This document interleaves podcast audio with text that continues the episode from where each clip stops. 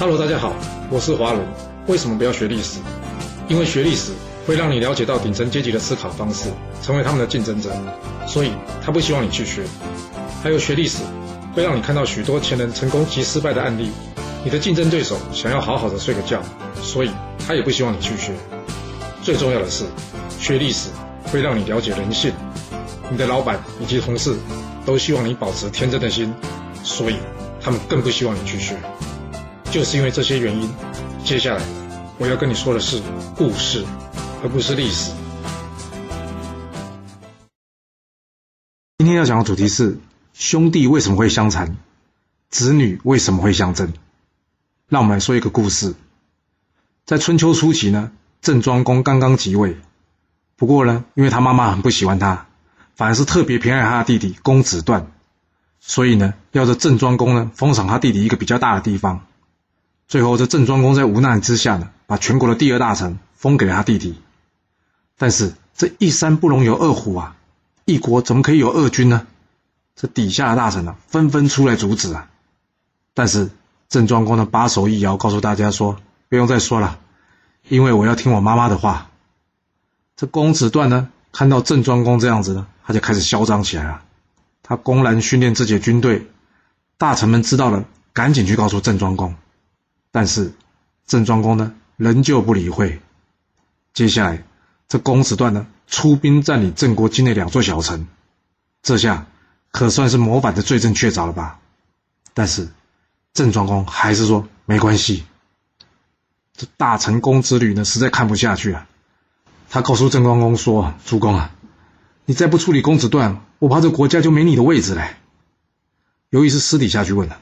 这时候，郑庄公呢，才愿意把他心里的想法告诉这公子吕啊。他说：“我必须要有真实的证据以及妥善计划，才能去解决掉这公子段。”接着，郑庄公设了一个局。他说呢，他要离开这国家一阵子，去见着周天子。这让他的妈妈觉得哦，这是个好机会哦，赶紧去联络他弟弟，准备造反。他在这中间呢。把这两边的书信呢都给拦截了下来，这样手中便有强力的证据。之后呢，他假装带兵离开，实际上呢只是前往他处预做准备。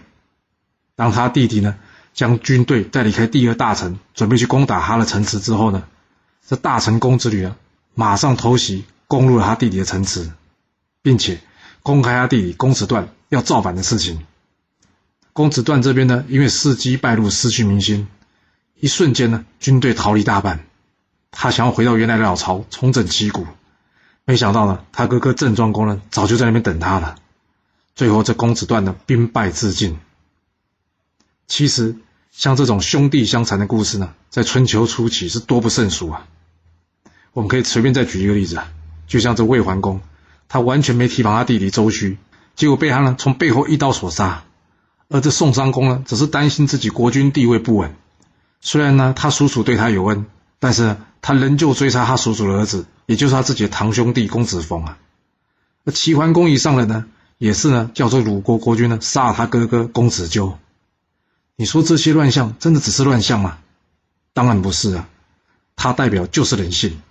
你要知道，国君的位置只有一个，人家说胜者为王，但是败者可不是为寇啊。通常就是死哎，所以兄弟之间，就算你没想要大会，只要你可能成为对方的威胁，这场杀戮就很难停止。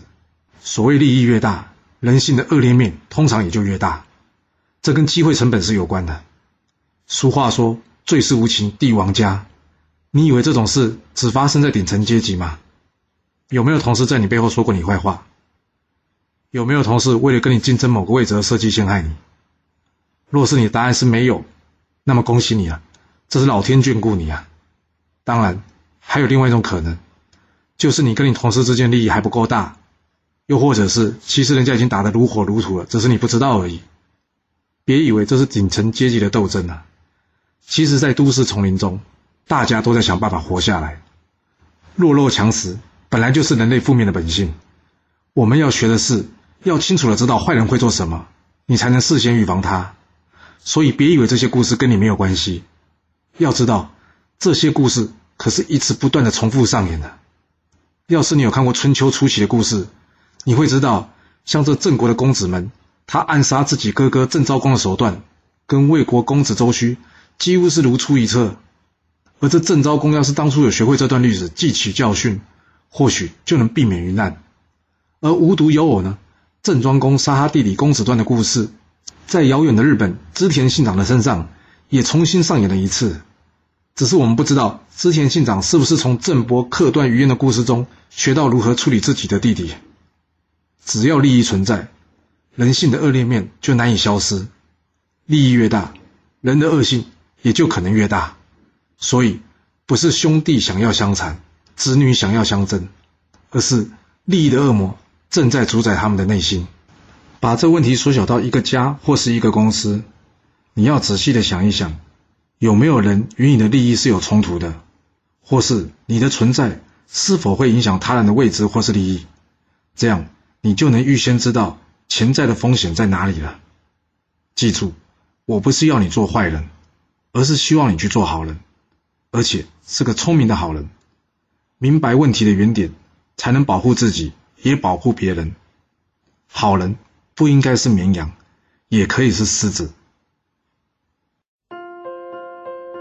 好啦，我们今天先说到这。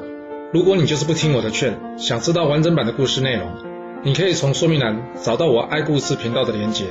不过记住哦，你是来听故事的，而不是来学历史的。